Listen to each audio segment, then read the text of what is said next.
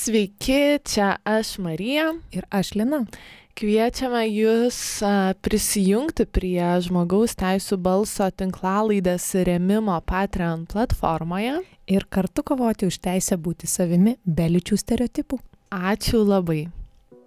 Sveiki, klausytojai, čia Start FM radijas 94,2 FM Vilniuje ir žmogaus teisų balso laida. Ir kaip visada, visada, visada, jos laidos, šios laidos vedėjas Lina. Labas, Lina.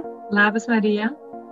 Ir, nu, tai va, ir Lina mane pristatė, tai sveiki ir sveikinusi, čia Marija.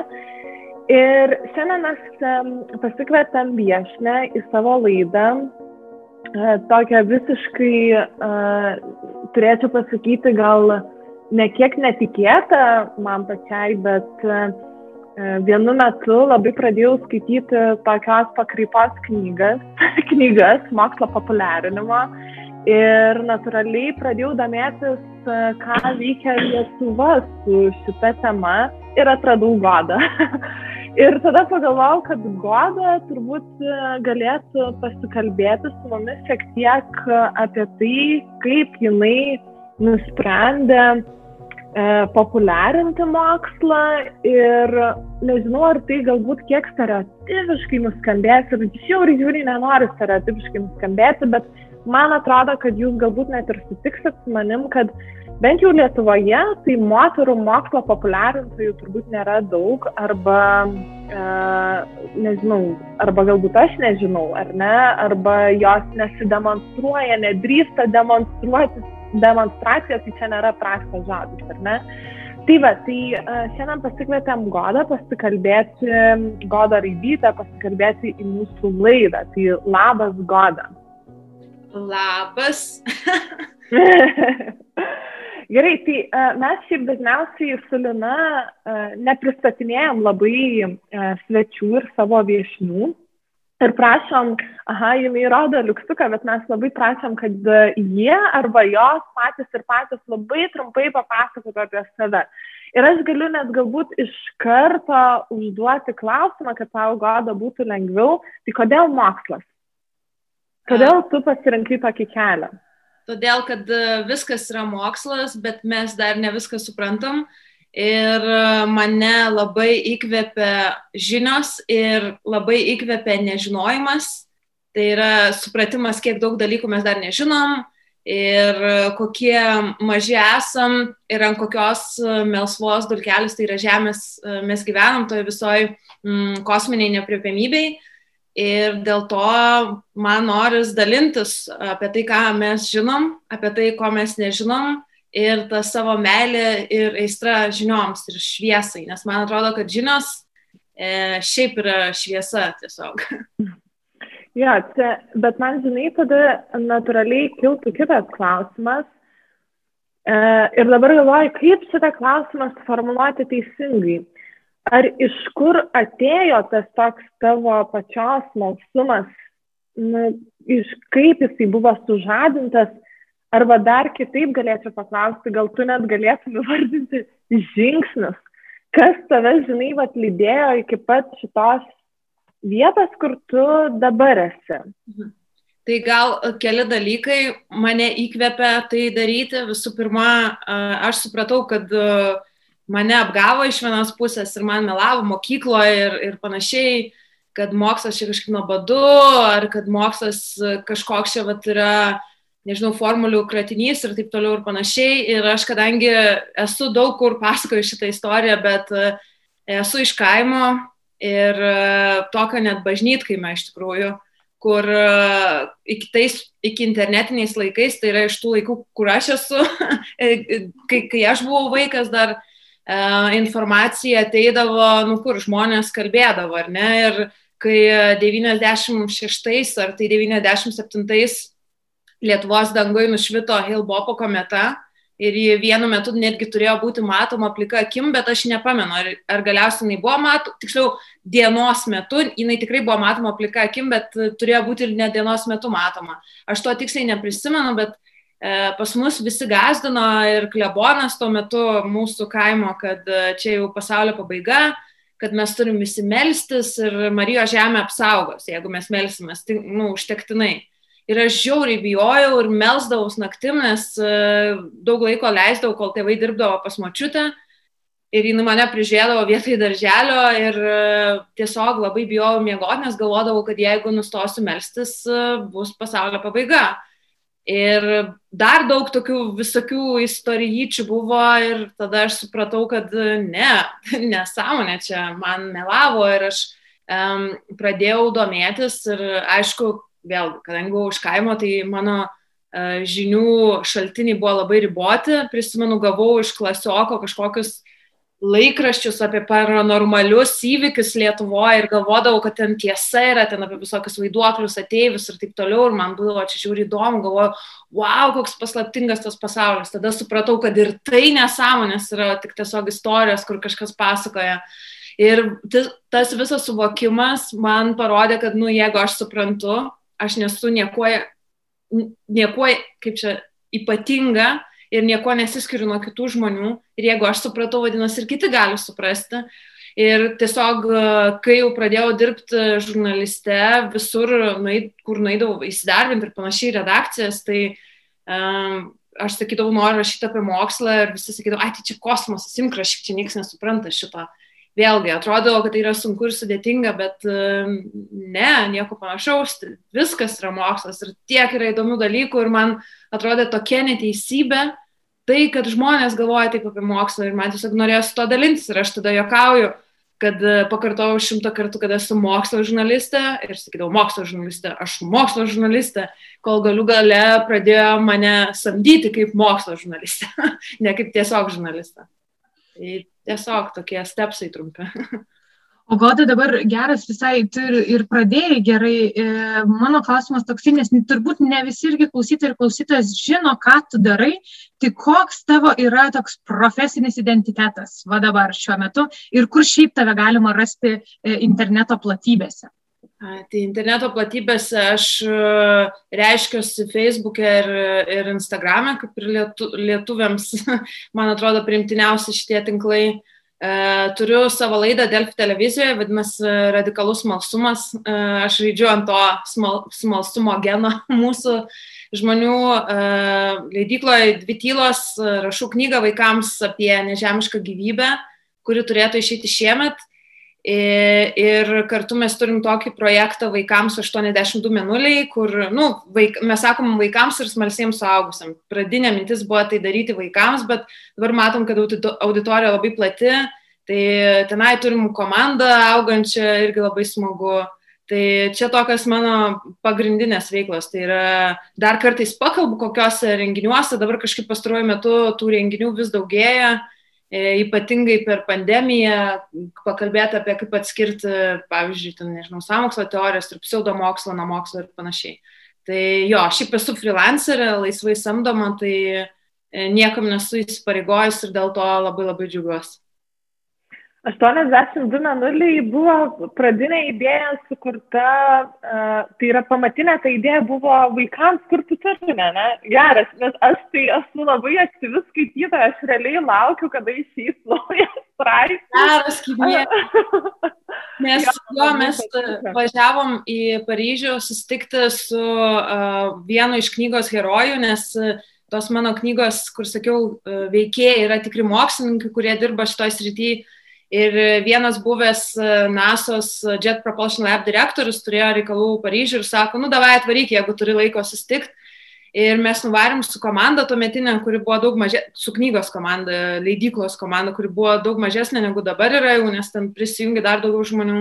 Ir tiesiog vaikščiant e, romantiškai, vėsę lapkričio dieną Paryžiaus gatvėse su tuo profesorium uh, iš NASO's, kalbant apie ateitį, apie kosmosą, apie žinias, supratom, kad norim, kad reikia vaikams to kosmoso daugiau ir kad Lietuvoje vat, nėra tokio koncentruoto projekto, kur būtų tik kosmosui, tik vaikams.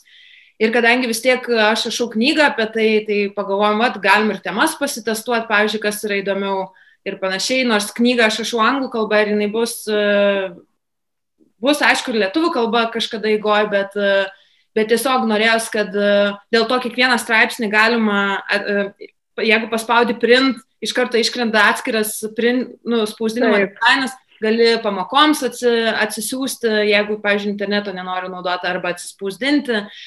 Mes stengiamės dabar plėsti savo komandą, vis ieškau kažkokių jaunų mokslininkų, kurie norėtų komunikuoti, kurios e, apmokam rašyti, e, kad jie savo temas vystytų.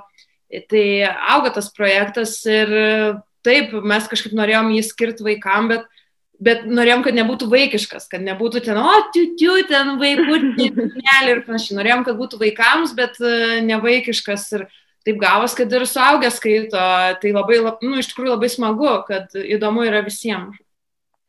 Ja, ir čia, žinai, bet um, paliečiant, nors turbūt dar apie mokyklą pasikalbėsim, bet uh, mokykliniam turinyje, nu ten taip galba, dešimtokai kokie fizikos vadovėlyje turi astronomijos truputuką, tik tai ten keletą puslapio, aš atsimenu, tiek laukdavau, tai fizika man būdavo pats įdomiausias, tai pati įdomiausia dalis tik tais ta, tas laukimas, kada mokytoja pradės kalbėti apie astronomiją ir dažniausiai mes mes nespėdavom pakalbėti.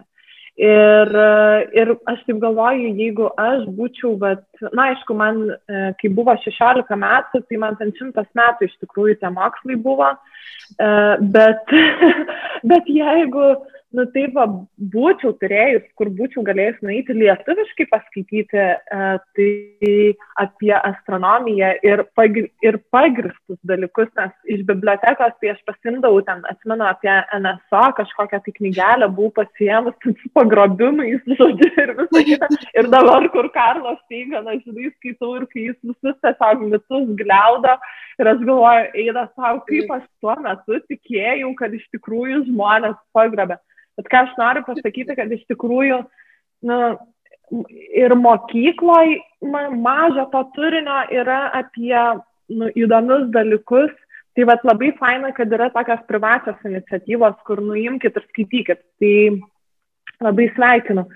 Už tai. Mhm, kad mokyklos ja. astronomija toksai numestas dalykas yra, nes tiek įkvėpimo ten yra, vien dėl, ne tiek dėl tų kažkokių nežinau, mokslinių žinių ar panašiai, bet kiek vaikų, vaik, būdami vaikai, svajoja būti astronautais. Tai to vat smalsumo, jo nepatrigerint, man atrodo, čia nesąmonė absoliučiai yra. Nelegalu.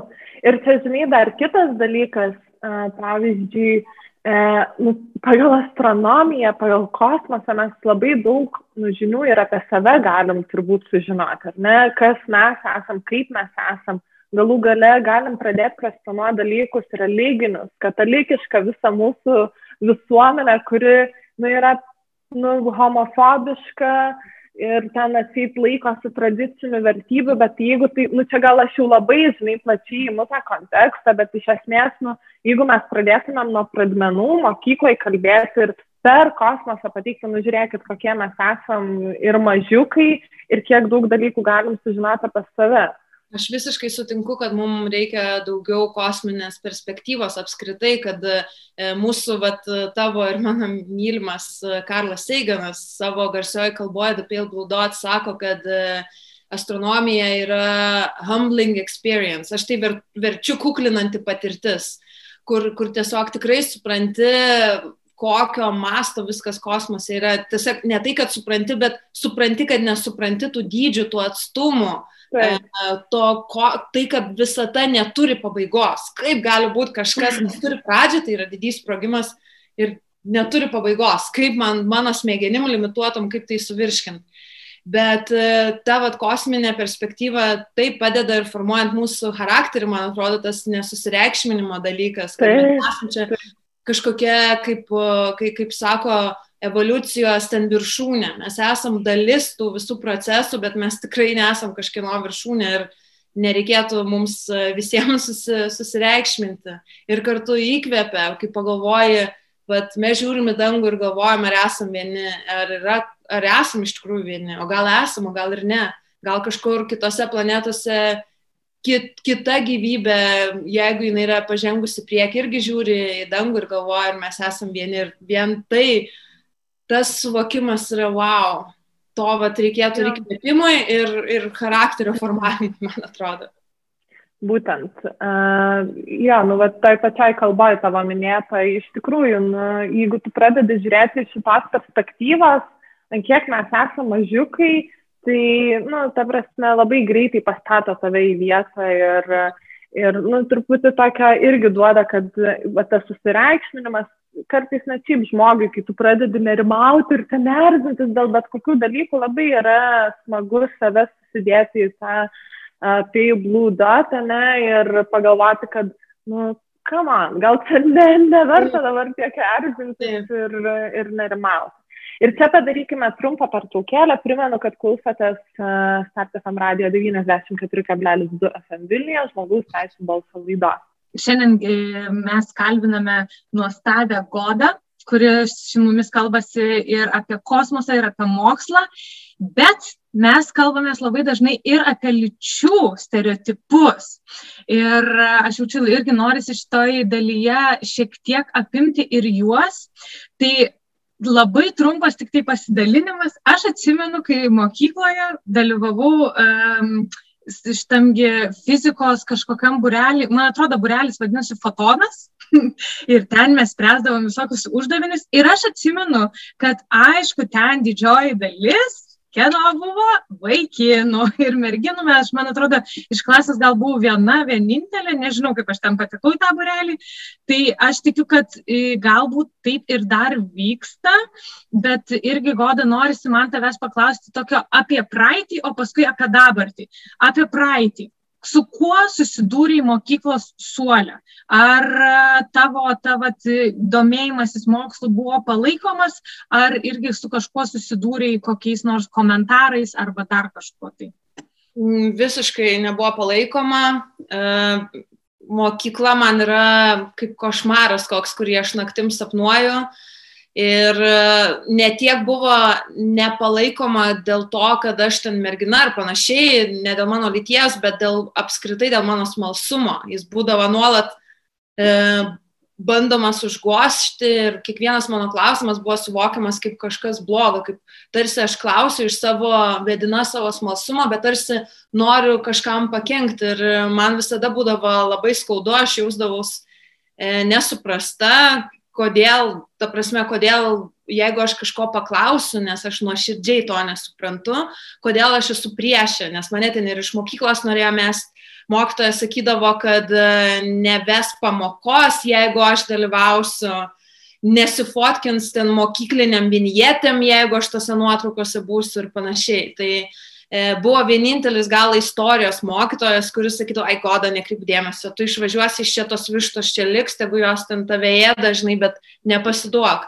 Ir gal buvo vat, vienintelis mokytojas, kuris taip palaikydavo, tai nuolat buvo įdimas ir man sakau, dabar yra koktu matyti, kaip tie patys mokytojai ar, ar apskritai mokyklos administracija, kuri yra daugumoje vis dar nepasikeitusi nuo tų laikų, kai aš, kai aš mokiausi mokykloje, kad jie ten kažką, jeigu aš padarau, tai pasidalina ir va, didžiuojame savo mokinę, buvusią mokinę ir panašiai.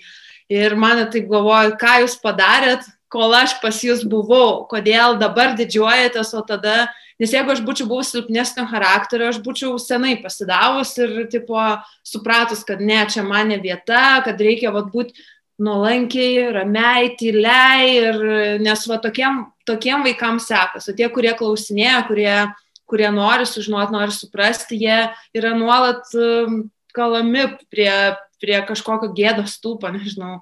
Tai aš tik nuolat jaučiausi ir, um, bet tikiuosi, kad dabar, mažai, dabar gal pasikeitė laikai ir mažiau vaikų jaučiasi ir paauglių taip kaip aš jaučiausi, bet aš nebejoju, kad sistema vis tiek yra sistema ir e, ji taip greit nesikeičia. Ir daug vaikų, manau, jaučia tai, ką aš dabar, ką aš tada jaučiau. Ir čia, žinai, dar taip kalbant apie praeitį, iš tikrųjų ir aš kaip e, savo buvusios mokytojas patirtį, e, čia turbūt galiu irgi pasidalinti. Tai vėl čia kalbant apie tą patį Karlą Seigeną, čia visai nesenai praėjusią savaitę, bet skaitydama jo knygą, uh, jis rašė apie savo mokyklą, o tai jis mokėsi 40 kažkėlintais metais ir jisai rašo lygiai tą patį, ką mes millennialsai, ne, kad kaip mes millennialsai mokėmės. Kad jeigu fizika, tai būtinai laboratorinis darbas ir jį tiesiog išspręsti, bet nei klausia, nei kaip, nei kodėl, jeigu kažkokias formulės, tai jas iškalti, žodžiu, istorija irgi lygiai taip pat datos, ar ne. Ir aš tada pradėjau galvoti, nu, kai mes millennialsai, aš lygiai taip pat mokiausi, buvo mano, va, irgi beje, istorijos mokytojos, visas, praktiškai beveik visas, kurias turėjau, tai pasitaikė nuostabios ir jos, nu, mane užnorino irgi domėtis istoriją, ko pasakoje aš tapau istorijos mokytoja. Bet šiaip iš esmės toliau vis, visa kita buvo tiesiog nuolatinis kalimas. Tada grįžtu į savo mokyklą, kurioje pradirbau penkerius metus mokytoje ir pas mane ateidavo tėvai ir jie uh, klausy, nu, tipo, sako, tai, nu, tai ką čia to istorijai, tai datas reikia kalti. Ne, ne, sakau, baikit juokus, pamirškit šitos laikus. Bet sako, nu tai mūsų draugių vaikai, tai istorijoje gauna ten 50 datų ir jas turi iškalti ir tada gauna dešimtuką. Nu tai čia baisu. Ir ką aš noriu pasakyti, tai kad iš tikrųjų niekas nesikeičia. Kiek, kiek laiko, ne, ir mes vis tiek gyvename tame pačiame mėšlė. Nu, atsiprašau už tokį žodį, bet absoliučiai švietimo sistema ir čia ne tik, kad Lietuvos problema, čia jau dabar yra tiesiog viso pasaulio visuomenės problema, kad mes nu, vaikų neskatinam klausti, kvestionuoti, neskatinam klysti galų gale ir dar be viso to, vad, godas pavyzdys, kaip tu, nu, nes aš tą tavo istoriją, šiaip irgi vienam iš podcastų irgi e, išgirdau, kad tu sakai, jog, nu, jeigu, tave, jeigu tu klausdavai, Tai ten net susirinkime, man atrodo, buvo pas, pasakyta, ar ne, tavo tėčiai, kad, kad goda per daug klausinėjai ir aš galvoju, duokit man tokį vaiką klasėje, nes tai nu, yra nerealu, tu matai, kad tada vaikas iš tikrųjų, nu, jis malsus, jam įdomu yra. Taip, taip. Bet uh, niekas nesikeičia. Na. Ir tada einant į ateitį, čia Neslina uždavė ir tą antrą uh, patirtį, iš tikrųjų uh, klausimą, E, ar tu dabar susiduri su kažkokiais tai lyties stereotipais e, populiarindama mokslą? Ir čia, žinai, galbūt ne, ne kiek tavo terpėje, nes aš įsivaizduoju, kad tavo socialiniam burbulė tai yra viskas ok, ar ne? E, kaip ir mūsų su Lina socialiniam burbulė, moteris siekianti būti lyderė, ten mokytis mokslo, įsilavinimo iš esmės yra sveikintina, bet mes kaip tik su Lina, pavyzdžiui, užinam už savo socialinio burbulo, nu, mes pamatom tokių dalykų, aš va čia visai nesenai postinau Facebook'e, kad santoka dar nėra viskas. E, ir šeima, nu, šeima gali būti visokia ir nebūtinai tai turi sutvirtinti santoką. Ir mano visa ta krikščioniška mokykla, kur aš mokiau, buvau mokytojas, subėgau į komentarus ir ten tai pradėjo komentuoti, kad aš supratau, nu, mes labai dar toli esam nuo 21 amžiaus. Tai va, ar tu susiduri su kažkuo panašiu? Man buvo um, iš tikrųjų, kad kalbėčiau apie tuos e, kažkokius lyčių stereotipus ir panašiai, aš e, ilgą laiką apie tai nekalbėjau, nes um, čia tokia jautri tema yra tam, kad galėtum tinkamai išreikšti ir tinkamai pagrysti savo nuomonę, man atrodo, reikia daugiau stebėti ir mažiau, nu, kad nesigautų, kad dar vienas lojantis socialiniai erdvėje žmogus, kuris kažkuo skundžiasi. Aš norėjau šiek tiek uh, kitaip į tai pažvelgti ir, ir tiesiog e, prieš keletą metų rašiau tokį straipsnį apie merginas mokslę, rinkau medžiagą apie tai, kaip mokykloje vat, mergaitėms sekasi e, tiksliai mokslai, matematika ir panašiai, kad daugiau jų sustoja universitetus, baigia bakalauro, bet po to ma mažiau tęsia kažkokią savo mokslinę karjerą, nes atsiranda šeima ir panašiai. Tada uh, kai nuvažiuodavau ten į NASA, Europos kosmoso agentūrą ar panašiai, visada pažiūrėdavau, kad e, susitikimuose, kad programai, kur, nu, kuriuos turėsiu, kad, kad būtų moterų būtinai įtraukta ir kad galėčiau su juom pasikalbėti ir visada paklausdavau, kaip jums sekas, ypatingai moterim, kurios užima vadovaujančias techninės pozicijas, net ten vadovauja žmogiškiesiam ištekliams ar panašiai, bet grinai, turi, grinai vadovauja technika, kaip vyriausia inžinierė ir panašiai ir panašiai. Tai visos sakė, kad buvo su tais stereotipais susidūrusios ir, ir susiduria galbūt, kad jas nuvertina vien dėl to, dėl biologinio atsitiktinumo, kad jos gimė moterim. Ir kad, aišku, tose didžiosiuose organizacijose dabar taip nėra, nors anksčiau buvo tikrai, bet kai pažiūri Nobelio premiją praeisų, pa, pa, pavyzdžiui, praeisų rudens, tai pirmą kartą tiek moterų turbūt buvo laimėtojų mo, Nobelio premijos, nes tiek daug yra neįvertintų mokslininkų, kurios negavo Nobelio, kaip aš sakau, for all the stupid reasons. O man pačiai, tai aišku, kad tenka susidurti ir kuo toliau, tuo labiau aš tą savo radarą lavinu. Nes anksčiau būdavo, sakykime, kažkokia pastabėlė ir aš galbūt nesuprasdavau, kad, nu, ne, ne, ne, nėra ok šitą pastabėlę. Tai teko nekarto sudurti su priekabiavimu, kad galvoja, va, ateina mergina, kuri, mm, nežinau, jau tą merginą reikia būtinai kabinti, nors aš dirbu, nors aš bendrauju su žmogum kažkokiais e, profesiniais dalykais ir prasideda ten žinutės ir panašiai ir panašiai, kas nu, nėra skanu ir nėra faina. Arba būna tokių, nu, ta mergaitė čia ir vėl jauna kažką aiškina, kad dažnai būna, vat, vadina mane mergaitė tam, kad sumenkintų mano profesionalumą. Ir šiaip yra tekę susidurti net, e, kad e, galvoja, ai, nu ką tu čia supranti, tai man labai patikdavo to žmonės pastatyti vietą ir parodyti jiem, kad aš iš tikrųjų suprantu ir kad čia tavo yra stereotipų, kažkokia tavo siauro proto, siauro mąstymo problema, o ne mano.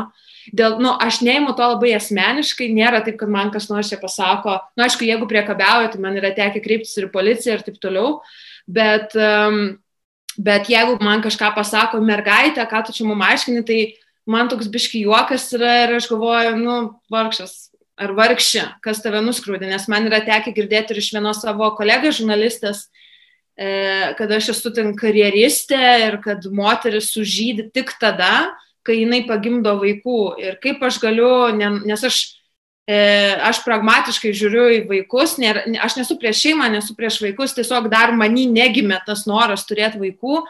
Tai jeigu aš tai pasakydavau, tai būdavo, ok, tai tu ten kažką. Arba yra tekę girdėti iš vyrų, tai tu kažkokia čia karjeristė, ne? Nu, supras, kad čia blogas dalykas, kad moteris siekia karjeros. Ir sakau, anksčiau man tas, va, ai, tai tu karjeristė, tai tu, ai, tai tu čia iš tų protingųjų, tau jau vyro nereikia. Nu, va, kažkas tokio. Tai būdavo, anksčiau gal mažiau pastebėdavau, dabar vis žiūriu, galvoju, ha, ok, ok, tai vis dar, vis dar yra šitie, bet vėlgi, aš neprimu to asmeniškai. Um, man atrodo, čia man tų žmonių gaila. Mhm. Ir čia tu labai gerus dalykus sakai, ne, kad, kad iš esmės yra labai tas uh, polinkis dažniausiai e, sakyti, nu tai tu čia mergaitė ten, ką, nes dažniausiai nesako, eitų vaikinė arba eitų berniu, ką tu čia šneki. Nu, aš nesu tokio girdėjęs niekada gyvenime jaučiu. Ir dar vienas kas dalykas, tai uh, labai faina, ne, kad tu sakai, kad, e, nu, aš radarą dabar kuo toliau, tuo labiau ugdausi, ne, nes čia irgi nėra toks labai paprastas dalykas, nes tiesiog visi yra pripratę prie šitų komentarų, kaip prie natūralaus dalyko, kas nėra natūralu. Ir, ir aš jaučiu, kad čia labai labai, labai svarbu šitie dalykai, kad, nu, tu sakai. Ir dar kas aš galvoju, kad uh, gali būti, kad, nu, taip pat dabar man surezonavo, kad kai kuriuom jaunom merginom, man atrodo, irgi tas atstumia nuo, tada nuo įjimo klausimo darimo, nes, nu, nes, aha, tai jeigu tu pasirenki mokslą, tai reiškia, tu karjeristė, tai yra reiškia, kad tu blogai ir tada reiškia, kad tu prieš šeimą, prieš vaikus ir prieš viską. Nors tu niekada to gyvenime nesaky ir nesakysi, bet jeigu tu jau pasirenki mokslą ir tavat nori labiau įgilintis, tai vadinasi viskas pasaulio pabaiga. Ir aš jaučiu, kad daug, daug ir jaunų merginų gali to išsigasti, nes nu, tas yra spaudimas, man atrodo, iš, iš aplinkos. Man atrodo, čia ir spaudimas ir toks, nežinau, kad duoda pasirinkti tik va tokį variantą. Atrodo, kad negali turėti, pavyzdžiui, ir karjeros, ir, ir mylėti, turėti vaikų ir panašiai, bet aš žinau daugybę moterų, mokslininkų, kurios yra daug pasiekusios, kurios turi šeimą. Ta prasme, jeigu, nu, čia yra du skirtingi dalykai. Ne, tavo karjera ir šeima, čia ne, aišku, tai yra susiję, bet vis tiek du skirtingi dalykai ir jeigu tu turi ambicijų, sieki savo, savo tikslų, aišku, visokių moterų yra, yra, kurios nori būti namų šeimininkėm. Aš tai sakiau, kad aš, nu, yra buvę situacijų, kai aš beveik tapau namų šeimininkė, sakykime, bet aš buvau labai nelaiminga ir aš supratau, kad aš nesu toks žmogus, man, man reikia tikslų, ambicijų, aš turiu jų siekti ir aš tokia esu. Ir šalia manęs irgi turi būti žmogus, kuris tai supranta ir kuris tai palaiko, nes jeigu pradės sakyti, nu, tu čia jau per daug kažką, turėtum daugiau čia namuose būti ir man košė, ir nežinau, tai aš tokiu žmogum tiesiog negalėčiau būti. Bet taip mano socialiniam burbulė, tai žmonės yra nuostabus ir tokių klausimų net nekyla. Net mes padiskutuojam, pavyzdžiui, kai būna kažkokie skandalai ar panašiai, e, kaip yra reaguojama, kai, sakykime, nežinau, išlenda kažkoks myčių atvejais ir panašiai, ar ne, kaip yra tas e, victim shaming ir kaip daugelis žmonių nesupranta uh, to jėgo žaidimo ir kad e, sako, oi, taigi čia jinai pati korės ant kaklo ir nesupranta, ką reiškia ant ko, kieno kaklo, kaip sakoma, karės ir kaip tas žmogus reaguoja ir panašiai. Ir net pati sakau, tik visai neseniai pradėjau pastebėti kažkokius priekabiavimo hintus, kur tikrai nėra ok, kaip, kaip pasako, kai, kai jauti tokį nesaugumą, kai tau pasako, o tu fainai dirbi, tu tu tokia, žinai, gera profesionalė ir tu jau lauki, ar nepradės kažko pošlo tau po to rašinėti, pavyzdžiui. Nes yra taip daug kartų buvę ir tu galvoji, aha, šį kartą ne, tiesiog žmogus pasakė, kad jam patinka ir nepradėjo ten kažko, nice, važiuojam toliau. Bet kiek kartų yra buvę, kur galvoja, nu va, dabar jau ją reikia čia kibit. Nereikia. tai va. Jo, ir čia vat, turbūt puikiai yra atskleidai tą problemą, su kuriamis problema, problema, su kuriamis susiduria moteris, kad nu, mes iš tikrųjų šiaip iš esmės niekada negalim jaustis pilnai saugios. E, tai kad ir tas žinučių rašymas, nu, jis tai nėra malonus. E, aš tai visą laiką kažkaip irgi su tuo labai dažnai susiduriu. E, Ir kažkaip po to galvoju, nu kas, kodėl tu pagalvojai, kad nu, tu gali vat, man rašyti tokias žinutės, kas tau suteikia tokią teisę, bet čia yra tiesiog visuomenės norma, kad jeigu moteris ir vyras, tai galbūt čia būtinai, čia tas pats, kaip buvo ir yra man dar atrodo paplitęs toks stereotipas, kad vyras ir moteris negali būti tiesiog draugais. Nesąmonė. Tai jo didžiausia nesąmonė, aš turiu tiek nuostabių draugų vyrų, su kuriais niekada negalėčiau įti į santyki, bet į romantinį santyki, bet jie yra nuostabus mano draugai. Ir, nu, čia sakau, toks yra patriarchalinio, dar patriarchalinės visuomenės nuotrupos likusios, kur jeigu vyras ir moteris, tai, nu, būtinai tik romantiškas santykis ir būtinai moterį reikia kybinti. Bet čia mes turime padaryti trumpą pertrauką. Čia Start FM radijas 94,2 FM Vilniuje, žmogaus teisų balso laida. Primenu, kad šiandien kalbame su Goda Raidyte mokslo populiarinimo žurnalistė, turbūt taip galima sakyti, ar ne. Ir šiandien kalbame apie labai daug dalykų. Ir šiaip dar turiu pilną klausimų, bet dar labai norėčiau iš vienos patirties tavo užduoti klausimą ir susijusiu su švietimu, kadangi labai labai dirbu su švietimu. Um, tu, bet kalbėjom, ar ne, antroje laidos dalyje, kad kai tu klausinėdavai mokytojų, tai uh, tavo sparnus tiesiog karpydavo tie mokytojai, ar ne, ir smugdydavo. Kaip manai, uh, kokius klausimus vaikai turėtų užduoti mokykloje? Kokie du galbūt net svarbiausi klausimai turėtų būti užduodami? kuriuos jie nori. Man atrodo, va, ta, kad mes pasakom vaikams, ko jie gali klausti, o ko ne. Turėtų būti, kad jie turėtų, aš manau, galėti paklausti, ko nori, netgi tai, ką aš pusryčiam, jeigu aš būčiau mokytoja, ką aš pusryčiam valgiau. Tiesiog tas jų, ta jų smalsumą, man atrodo, reikia, reikia šerti, rūkdyti, nes e, tai yra man asmeniškai viena gražiausių žmogaus savybių. Ir mes tai visi turim, tiesiog e, tai yra kaip, nežinau, įgūdis gal, kur pas vienus yra labiau išlavintas, pas kitus ne, nes aplinka ne visiems suteikia laisvę reikštis ir klausti. Bet aš manau, kad vaikai turi teisę turėti klausti bet ko, o mokytojai, jeigu nežino atsakymo, mokėti pasakyti, aš nežinau, arba sakyti, davai kartu surandam, arba duok man truputį laiko, aš paieškosiu, pažiūrėsiu, ar galiu į tai atsakyti. Tiesiog, man atrodo, čia turėtų būti visiškai laisvė.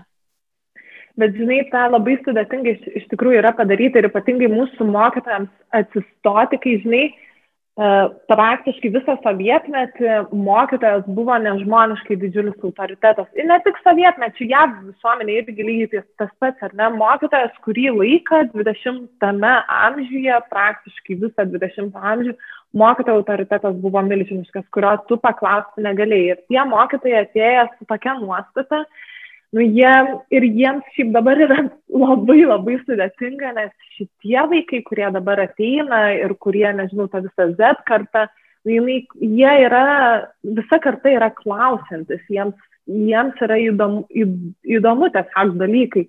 Bet tą padaryti sudėtinga ir aš pati esu išgyvenusi savo pirmuosius du mėnesius mokytojavimo, kai pradėjau realiai tiesiog prieš, gavau tik, tik vienuoliktokus A lygį paruošti egzaminams. Ir aš labai dažnai šitą istoriją pasakoju ir, ir žodžiu, esmė tame, kad aš pradėjau maltis istorinėse faktuose. Ir aš antiek jau turėjau nuostatą, kad mokytojas yra neklystantis, man ten 24 metai tik tais buvo. Ir aš nesugebėjau niekaip pripažinti, jau jie mane vartė ant faktų, aš stovėjau savo. Ir aš atsimenu, mano mama mokytoja ir aš po tos pamokos paskambinu mamai, sakau, mamit, ką man daryti? Sako, nu žinok, turėsi nueiti kitą pamoką ir pasakyti, aš susimoviau.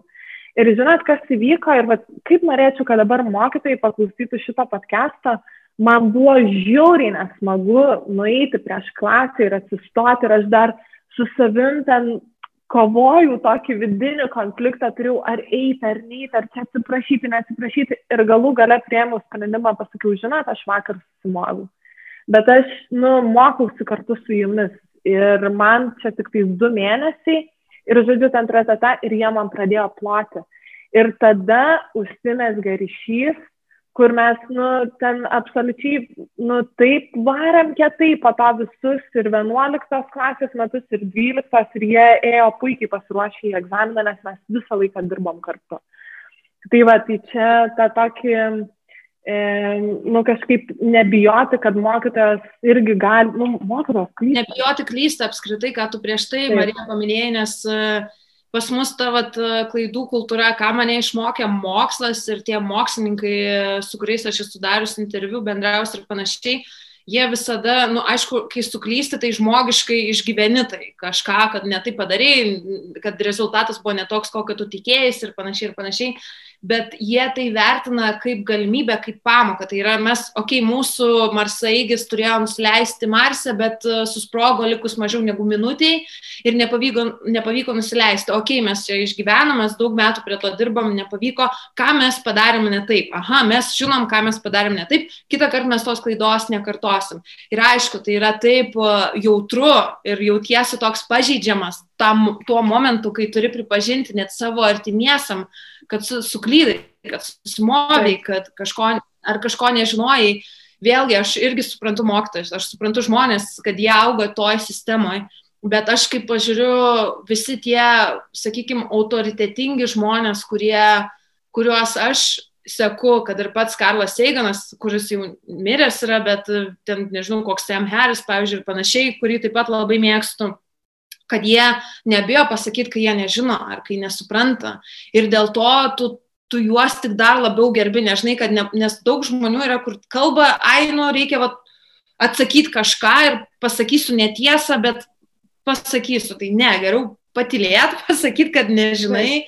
Ir daug geriau atrodysi, negu kalbėdamas nesąmonės. Tai tą irgi reikia išmokti, man irgi reikia išmokti, nes kartais taip, oi, nežinau, oi, e, kažkaip nepatogu pasidaro net ir panašiai, bet uh, žiau, nu, dar didesnį, man atrodo, autoritetą susibildini, nes pasitikė tavim, žinau, kad tu nesąmonį nešnekėsi tiesiog. Arba jeigu šnekėsi, pasakysi, kad susimovi.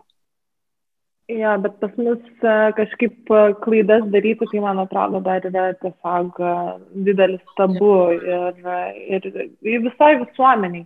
Ir aš nežinau, kada mes čia iš, iš, išgyvensim tai. Ok, um, šiaip dar toks, žinai, irgi pastebėjimas, uh, kažkaip aš tai pagalvojau, um, kaip, nu, vat, labai įdomu, žinai, ir tavo būtų nuomonė sužinoti, kaip tu galvoji, kodėl mergaitės vis tik e, nėra linkusios e, lysti į mokslą. Ir aš čia vat, vėlgi irgi tokią tipinę situaciją, kai, tarkim, um, prieš karantiną uh, turėjom buiteką vakarėlį su draugais ir mes su vienu vaikinu pradėjom, nu, ten, žodžiu, tiek nu, tiek kalbėti apie astronomiją, apie kosmosą, apie dronus, nu, žodžiu, išvedžioti visokias teorijas, jos visas nu, ten sulūštų, žodžiu, mokslininkai ten iš viso apie visas teorijas sakytų, nebesaikit. Bet viena esmė ta, kad mes ant tiek, nu tiek pradėjom kalbėti ir realiai vaikinai pradėjo ten vienas, kitas priejo, o merginos kaip tipiška į virtuvę ir ten le, le, le, le, le, le, le, le, le, ir visą kitą. Ir tai nėra irgi blogai, bet aš mačiau, kaip jos traukėsi nuo manęs. Kodėl? Turbūt, kad, nu, gal ar nežino, ar bijo, e, bijo pasirodyti kvailos, arba kažkada nesidomėjo ir panašiai. Kaip tu manai, kur čia įvyksta va, tas, nu, šiftas smegenyse, kur mergaitės nu, pradeda nebesidomėti dalykais. Man atrodo, čia vieno šifto nėra, čia yra tokia sudėtinga problema, daugialypė, tai pavadinčiau. E, kai tu pasakai šitą istoriją, džiaugiuosi, kad pagalvojau, kad seniai nebuvau tokiam vakarėlį, tokiam būtekė, kur, kur būtų toks va, tas pasiskirstimas liučių, tai pasidžiaugiau savo tyliai, žinoma, bet e, aš manau, kad e, mergino mokslas yra įdomu, nes vėlgi mes esam žmonės, kaip ir visi žmonės, ar ne? tiesiog, nes tai, tai kartu, pavyzdžiui, parodo, kad daugiau merginų sustoja į universitetus, nes mokslas yra na, visas mokslas. Mokslas nėra tik matematika, fizika ir panašiai. Istorija, filosofija, medicina, visa tai yra mokslas, lygiai taip pat archeologija, nežinau. Tai, tai, tai tiesiog paskui galbūt prasideda jau įvairus ten visuomenės spaudimas, kad e, kai baigia bakalaurus, kad va, jeigu pagimdo vaiką, kad tik moteris turi, turi būti su vaiku, nes, pavyzdžiui, nu, tėtis tai tegu dirba, bet vaikui tai mamos tai tikrai reikia. Ne, vaikui reikia abiejų tėvų uh, vienodai, e, nes du žmonės dalyvauja vaiko, aš taip suvokiu, uh, auginime ir, ir kaip ir gamyboje dalyvavo dviese, taip ir auginime turėtų dviese dalyvauti ir prižiūrėti vaiką ir, ir ne, ne tik moteris turi savo karjerą pakabint ant atsarginių kažkokios ten kilpelės dėl to, kad pagimdė vaiką. O mokykloje tai, man atrodo, čia ir šeimos daug ateina, kaip šeimoje, kokie yra, kokie, kaip, kaip šeimoje viskas vyksta, moteris, mama, pavyzdžiui, kokia jinai yra, kaip, kaip tėtis vertina mamos ar ne broli, jeigu brolių ir seserų turi, kaip jie bendrauja, nes daug ilgi laiko, daug visko pas mus ateina iš šeimos, iš mūsų artimos aplinkos, kokie ten yra stereotipai. E, ir visa tai po truputį susideda. Ir juo labiau tie vat, stereotipai, kuriuos prieš tai apkalbėjom, kad e, vat, mergina turi būti tokia nuolankesnė, nesgi aš esu kiek kartų girdėjęs, kad vyram patinka tos nuolankesnės. Goda, tu tik stragų nerodik, E, nes jie išsigas, jie tavęs bijos, nieks tavęs šiandien nekabins, kabutėse ir, ir taip toliau ir panašiai. Tai, tai visa tai susideda ir po truputį galbūt su tais stereotipais merginos susitapatina ir galvoja, kad taip ir turi būti ir kad e, joms tai yra neįdomu, gal ir yra neįdomu, aš nežinau, kiekvienas turi laisvę rinktis, bet aš norėčiau, kad, norėčiau, kad būtų taip, kad jeigu merginos kažką daro, kad jos tai daro, nes jos taip galvoja, kad reikia, jos taip nori daryti, o ne dėl to, kad jos bijo kažko ar, ar jom kažkas įkalė į galvą, kad taip turi būti. Sakau, kad kuo daugiau būtų laisvės, kad kuo laimingesni žmonės būtų ir kuo laisviau galėtų reikštis. Aš apie tokią visuomenę svajoju. Kažkada Bob Marley dainavo One Love. Aš netikiu, kad tas One Love bus ten po šimto metų, bet gal vieną dieną, gal bus ir One Love ir visi bus laimingi. Goda, aš taip sėdžiu ir galvoju, mm, kad tokias mokytės, pavyzdžiui, būtų buvę mano laikais. tai būtų viskas turbūt kitaip. Bet aš galvoju, um, kažkaip, kai su Marija irgi kalbėjom apie tave, tai mums toksai buvo toks, nugoda toksai biški kvėpimas ir aha, aha, nu žodžiu, tai mes irgi su Marija apsišnekėjom prieš tai. Aš taip, kaip tu galvoji, vat ateini į klasę ar ne, kurioje sėdi kažkokios e, mergaitės, kuriuom čia iš tokios labai e, patirties turiu, kur jom sakė, kad jūs matematikos nesimokykit, nes jums nereikia, nes jūs mergaitės. Arba ten, jums fizikos nereikia, nes jūs mergaitės. Jūsgi, jums ten, jūs žinot, ką jom pasakytum, kokius žodžius jom pasakytum. Pasakyčiau, kad e, nesiklausytų durnių. kad, kad kuo mažiau klausytus tokių žmonių, kurie aiškina jom, kad kokios jos turi ir kokios neturi būti, kad klausytų ir būtų su tokiais žmonėm, kurie leidžia jom būti savim ir leidžia jom reikštis laisvai, o jeigu tie žmonės nėra tokie, nu aišku, šeimos nepakeis, bet, bet draugus ir panašiai galima pakeisti, jeigu jie tave ten visada kažkaip neįkvepia. Ir taip pat, nežinau, tiesiog galbūt aš, ne, jeigu manęs neklaustų, tai aš nesu iš tų žmonių, kurie eičiau ir aiškinčiau jai kažką, kur prieičiau, apsikabinčiau ir sakyčiau, na, mergaitė, pasikalbėkim. Ne, aš savo pavyzdžių galbūt parodyčiau, kad man yra juokingi tie žmonės, kurie bando mane į kažkokį rėmą įspausti. Man jų, jų yra gaila, nes man atrodo, kad jie labai nelaimingi ir jie labai daug šansų gyvenime praranda ir daug laimės, nes daryti tai, kad tu mėgsti ir palaikyti žmonės, kai, kad jie darytų tai, ką jie mėgsta, įkvėpti juos kažkaip, padrasinti, padaryti dalykus, tai yra toks geras jausmas. Ir jeigu tu priešingai ten demotivuoji žmogų, kaip tu turėtum jaustis, aš net man net nemalonu darosi įsivaizduojant tokio žmogaus poziciją. Tai tiesiog, man atrodo, mes savo pavyzdžiais daug parodom, nes vėlgi yra daug vaidmainiavimo, kad žmonės būna vieną kalbą kitaip elgės. Mes turim viešoje erdvėje tų taip vadinamų naujųjų feminiščių, kurios aiškina kažką, o tada, uh, tada savo elgesiu, sakykime, parodo priešingai. Aš nenorėčiau tų žmonių įvardinti, bet aš tai labai dažnai pastebiu ir man irgi koktų daros. Tai tiesiog, kad savo pavyzdžių mes daug parodom, daug įkvepiam žmonių, man atrodo, e, o jeigu kas nors ateitų pagalbos prašyti, sakyčiau, nu, tikrai nesiklausyk tų žmonių, o Dieve, kokie jie nelaimingi. Formuok savo gyvenimą kaip, kaip, kaip nori, kad būtum laimingas ir, ir linkėk visiems laimės ir jeigu tu linkėsi visiems laimės, tu būsi laimingas, tai ir pritrauksi tokius žmonės galų gale, kurie bus panašus. Čia turbūt norėčiau su, sureaguoti į du dalykus. Tai pirm, pirma, apie tas naujasias feministas, tai jo, čia arba nebūtinai naujasias feministas, bet apskritai yra a, tokių feministių, kurios, a, nu, sako, irgi sako tik vieną žinojimą, vienintelę tiesą. Tai tas nu, visą laiką žmonės, kurie pretenduoja į vienintelę tiesą ir vieną žinojimą, nu, nuo jų reikia eiti kuo tolyn, nes jie nu, realiai yra tiesiog pavojingi. O antra, uh, o antrą pamiršau. Ai, prisiminiau.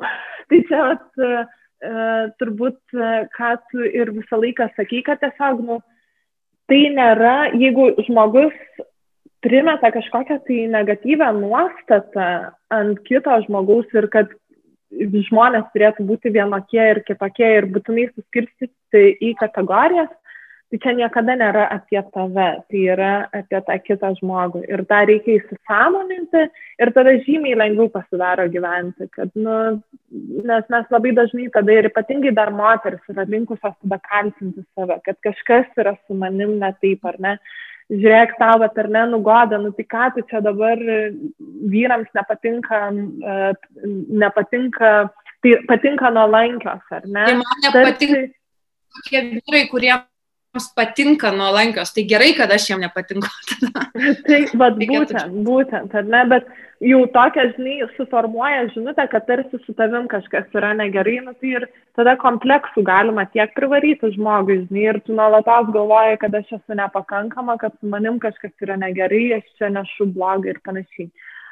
Tai jo, tai čia, bet, man atrodo, tas pagrindinis įkvėpimas ir galėtų būti, kad tai nėra apie tave, o apie kitą ir tiesiog rinki savo autentišką gyvenimą ir, ir viskas. čia turi būti pagrindinė žinutė. Atrodo taip lengva, bet kai ateini į gyvenimą ir ištinka įvairios situacijos, nėra taip lengva visada tai pritaikyti, bet bent jau turėti kažkokią vat kryptį, tai labai padeda, kad žiūrėti žmonės ir priimti jos kokie yra, tiesiog tu toks esi, mums nepakeliui viskas. Taip. Na ir mes turim uh, gala, uh, laidas gale paskutinę rubriką, uh, tai visada prašom savo viešnių arba svečių uh, pagalvoti apie vieną stereotipą, kurį tu norėtum išmesti iš šios visuomenės. Uh, tai koks tavo būtų stereotipas, kurį tu norėtum išmesti iš šiukšliadėžio? Tai gali būti susiję ir su tavo profesinė sritimi ir gali nebūtinai. Mm. Geras klausimas. Vieną tik tai. Ir visi, žinok, visi. Tai pati sunkiausia. Tada tą patį sako. Gal e, kalbant apie moterų stereotipus, tai kad e, moterų, kad moteris yra emocionalesnės, ir kad jos neva dėl to kaž... yra mažiau racionalios ir logiškos ir vat, reikia tos vyrų logikos. Ne, čia mūsų smegenis yra mozaika, susidedanti iš daug skirtingų dalių, tai girdėti tokius dalykus, kad ai čia moterų smegenis kažkokios, tai ne, nenorėčiau daugiau šito girdėti, man atrodo, būtų daug, daug laisviau gyventi. Čia taip nepasirodė. Gal po, po, po, po valandos, ką nors kitą sugalvočiau, bet... Ne, čia... bet čia labai, žinok, labai geras, nes čia yra ne tik apie moteris, bet ir apie vyrus papačiu, ar ne? Nes kai pasakom, kad moteris yra emocionalesnės, tarsi vyro emocijas tada Taip. nunulinam ir nubraukiam, tarsi vyrai jau tik racionalus gali būti. Na tai kągi, ačiū labai, Goda, kad tu šiandien buvai su mumis. Buvo, aš labai tikiuosi, mes nu, taip palėtėm daug temų ir iš esmės kalbėjom apie švietimą, kas yra labai labai svarbu. Nes švietimą reikia keisti, bet ir palėtėm lyties stereotipus, ar ne? Ir tave pačią. Tai tu man asmeniškai esi labai įkvepiantis pavyzdys ir aš tikiuosi, kad e, ir, ir kitoms ir kitiems lygiai bus taip pat. Tai ačiū Lina irgi, kad ir tu prisijungiai kaip visada. Labai smagu, kad su tavim e, kalbėtis. Pau, ačiū, ačiū Jums labai malonu tai girdėti, iš tikrųjų labai padrasina, labai motivuoja. O klausytojams noriu pasakyti, kad jeigu išgirdot kažką ir turit, norit man papanuoti, tai visada rašykit, bendraujam. Man atrodo, bendrauti yra labai svarbu ir diskutuoti labai svarbu. Tai tiesiog bendraujam. ja, bendrauti reikia, komunikuoti, kalbėtis reikia apie dalykus. Ir ypatingai net apie tuos kuriuos mes nesuprantam arba galvojam, kad puikiai suprantam, apie tos irgi reikia diskutuoti. Tai va, tai ačiū dar kartą ir susitiksime kitais kartais. Primenu, kad čia buvo Startas ant radijas 94,2 Vilniuje, žmogaus teisų balso laida. Iki kitų kartų. Iki.